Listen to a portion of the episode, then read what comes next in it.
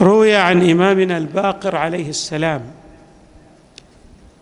إن المؤمن يبتلى بكل بلية ويموت بكل ميتة إلا أنه لا يقتل نفسه. رواية أيضا أخرى عن الإمام الصادق إن أشد الناس بلاء الأنبياء ثم الذين يلونهم ثم الأمثل فالأمثل. وأيضا رواية أخرى عن إمامنا الصادق عليه السلام إن أهل الحق لم يزالوا منذ كانوا في شدة أما إن ذلك إلى مدة قريبة وعافية طويلة. هناك آيات متعددة في القرآن الكريم وأيضا روايات كثيرة جدا وردت عن المصطفى صلى الله عليه وآله وعن الأئمة من أهل بيته عليهم السلام. تشير إلى تفصح عن أن مسألة الابتلاء للمؤمن في حياته الدنيا مسألة أساسية بمعنى أن المؤمن يبتلى وهذا الابتلاء لرفع درجته عند الله تبارك وتعالى ولإيصاله إلى كماله. وأن الناس في الابتلاء على درجات. أعظم الناس الابتلاء الأنبياء ومن ثم يأتي في المرتبة التي بعد الأنبياء الذين يأتون في درجة بعدهم مباشرة ثم يتفاوت الناس في درجات الابتلاء الأمثل فالأمثل كما تعبر الروايات. والرواية الأخيرة التي تلوناها أو قرأناها على مسامعكم أن هذا هو المسار الطبيعي الذي يعيشه المؤمنون. المؤمن دائما يبتلى بالشدائد ويمحص من ابتلاء إلى ابتلاء آخر إلى أن ينتقل إلى الدار الآخرة. كما تقول الرواية إن أهل الحق لم يزالوا منذ كانوا في شدة. أما إن ذلك إلى مدة قريبة. بعد هذه المدة طبعا ينتقل الإنسان إلى عالم الآخرة فيرى ماذا؟ الراحة والعاقبة الطيبة. بما أننا نعيش هذه الأيام مناسبة وفاة النبي صلى الله عليه وآله وطبعا هو الأسوة والقدوة لنا. سوف نمر مرورا سريعا على بعض الابتلاءات التي ابتلي بها النبي صلى الله عليه وآله وهو أكمل الخلق. ومن ذلك علينا أن نتعلم بعضا من الدروس التي ينبغي للمؤمن أن يلتفت إليها دائما في مسار حياته. من الابتلاءات التي ابتلي بها النبي صلى الله عليه وآله وهي كثيرة جدا. السخرية والاستهزاء به بشخصيته. طبعا السخرية والاستهزاء هذا لا يزال الحال كذلك. هناك من يستهزئ بالمؤمنين. ويقلل من شأنهم بل ويتمسخر عليهم. وذلك للتقليل من هذه القوة المعنوية التي لديهم حتى يعني يزيل هذه الجنبة المعنوية التي لدى المؤمن. كيف تستطيع أن تؤثر عليه؟ بالاستهزاء بشخصيته. طبعا وصفوا النبي صلى الله عليه وآله بأوصاف كثيرة. أشار القرآن إلى ذلك. قال تعالى إن الذين أجرموا كانوا من الذين آمنوا يضحكون وإذا مروا بهم يتغامزون وإذا انقلبوا إلى أهلهم انقلبوا فكهين وإذا رأوهم قالوا إن هؤلاء لضالون وما أرسلوا عليهم حافظين. طيب هذا نوع من الابتلاء إذن. ومن الطبيعي أن الإنسان يتأثر. الإنسان حتى لو كان في أعلى درجات الكمال لا بد أن يتأثر. ولكن الله تبارك وتعالى يعلمنا طريقا أو وسيلة من الوسائل التي تقينا من ذلك الضيق وذلك التأثر الذي نتأثر به من خلال الاستهزاء والسخرية. قال تعالى ولقد نعلم أنك يضيق صدرك بما يقولون. طيب كيف تقي نفسك من هذا الضيق في الصدر. قال الله تعالى فسبح بحمد ربك وكن من الساجدين. إذا ضاق صدرك أكثر من السجود لله والتسبيح. وذكرنا أكثر من مرة أن العلماء يوصون بالذكر اليونسي. وذنون الذهب مغاضبا. فظن أن لن نقدر عليه فنادى في الظلمات أن لا إله إلا أنت. سبحانك إني كنت من الظالمين. تكرر لا إله إلا أنت. سبحانك إني كنت من الظالمين. نعم. أيضا النبي صلى الله عليه وآله من الاتهامات التي اتهم بها بأنه ساحر وكذاب يكذب على الناس يفتري الكذب. وعجبوا أن جاءهم منذر منهم. وقال الكافرون هذا ساحر كذاب. أيضا اتهم بالجنون. ولذلك ترون أن هذه التهم الباطلة لا يزال الذين يسيرون في طريق الشيطان على هذا المسار. يعني يتهمون المؤمنين أولياء الله تبارك وتعالى بنفس التهم التي اتهم بها الأنبياء والرسل. كما نشاهد. نعم. وعجبوا أن جاءهم منذر منهم. وقال الكافرون هذا ساحر كذاب. أيضا وقالوا يا أيها الذي نزل عليه الذكر إنك لمجنون. انسان عاقل.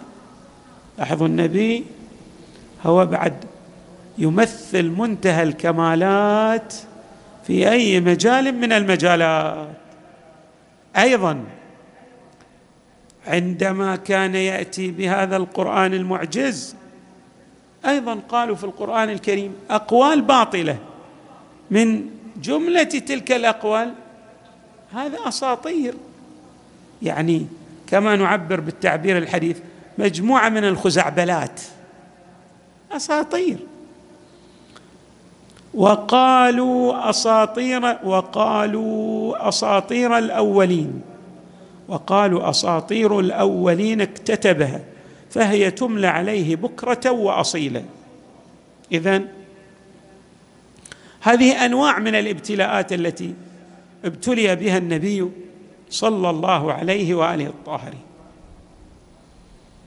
من الابتلاءات أيضا التي ابتلي بها النبي صلى الله عليه وآله أن طيب القرآن هو شعر فن يعني من الفنون تنسيق للألفاظ صف للكلمات كما يفعل أي أديب أي شاعر. مع أن القرآن من الوضوح بمكان من يقرأ فيه يرى اختلافا جوهريا بين آي القرآن الكريم وبين الشعر. هكذا كانوا يقولون للنبي أئن لتارك آلهتنا لشاعر مجنون؟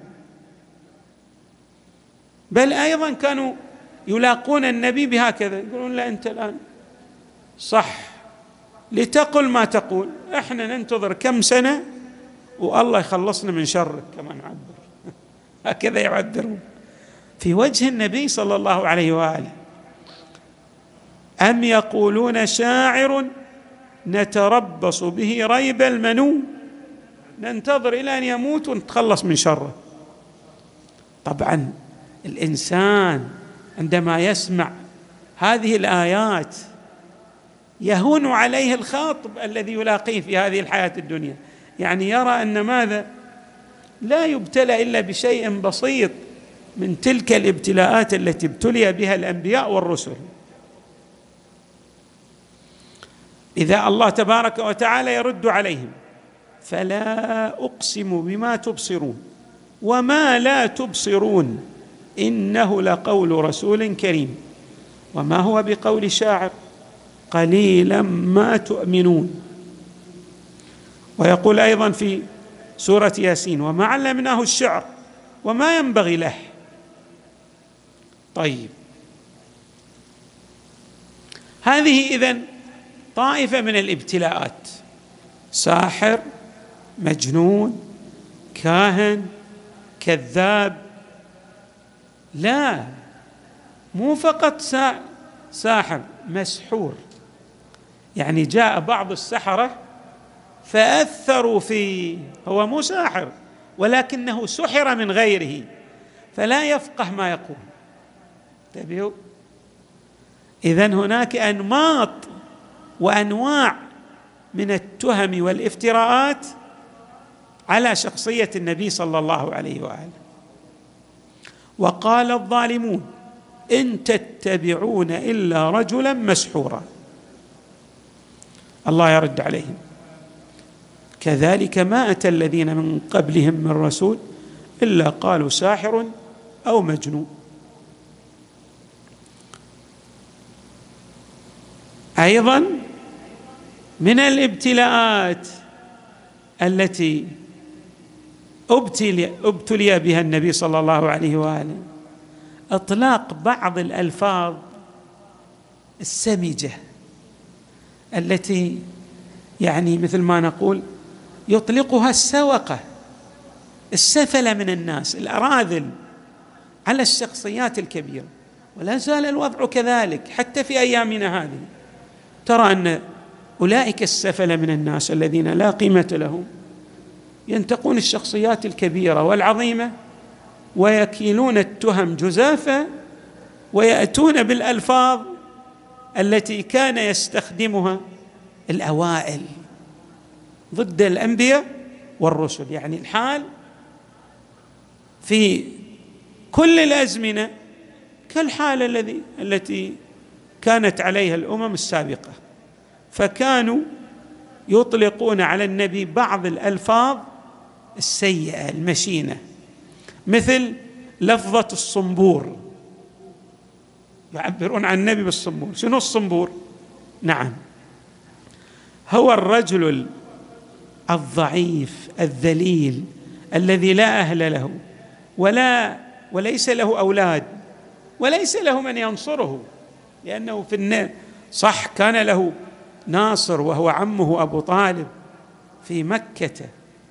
لكن طبعا الذي ما كان له أنصار إلا قلة يعبرون عنه يعني ما له أنصار.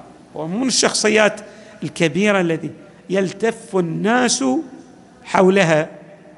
فكانوا يطلقون بعض الألفاظ المشينة والسيئة لإرادة الحط من شأنه والتقليل من رتبته صلى الله عليه وآله. ولذلك حتى في زماننا هذا إذا رأينا بعض الشخصيات العظيمة تكال عليها التهم جزافا. وتطلق عليها الألفاظ المشينة لا نتعجب من ذلك. علينا أن نلتفت. أن هذا ديدا ديدا السفله من الناس. سفله من الناس.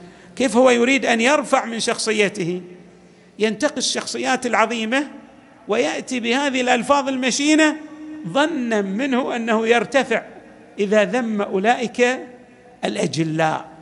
الشخصيات الكبيرة من الأتقياء والصالحين.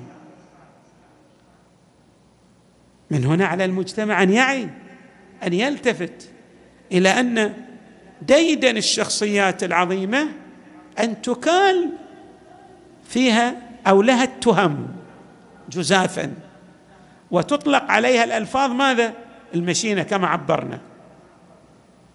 نعم مثل لفظة الصنبور في على النبي صلى الله عليه وآله. من الأمور التي أيضا ينبغي أن نلتفت إليها. هل يوجد شخص أعظم في تجسيد العدالة من النبي صلى الله عليه وآله؟ في يوجد شخص؟ بعد ما في أعدل. النبي صلى الله عليه وآله كان يوزع الفيء والغنائم. وأيضا يوزع الصدقات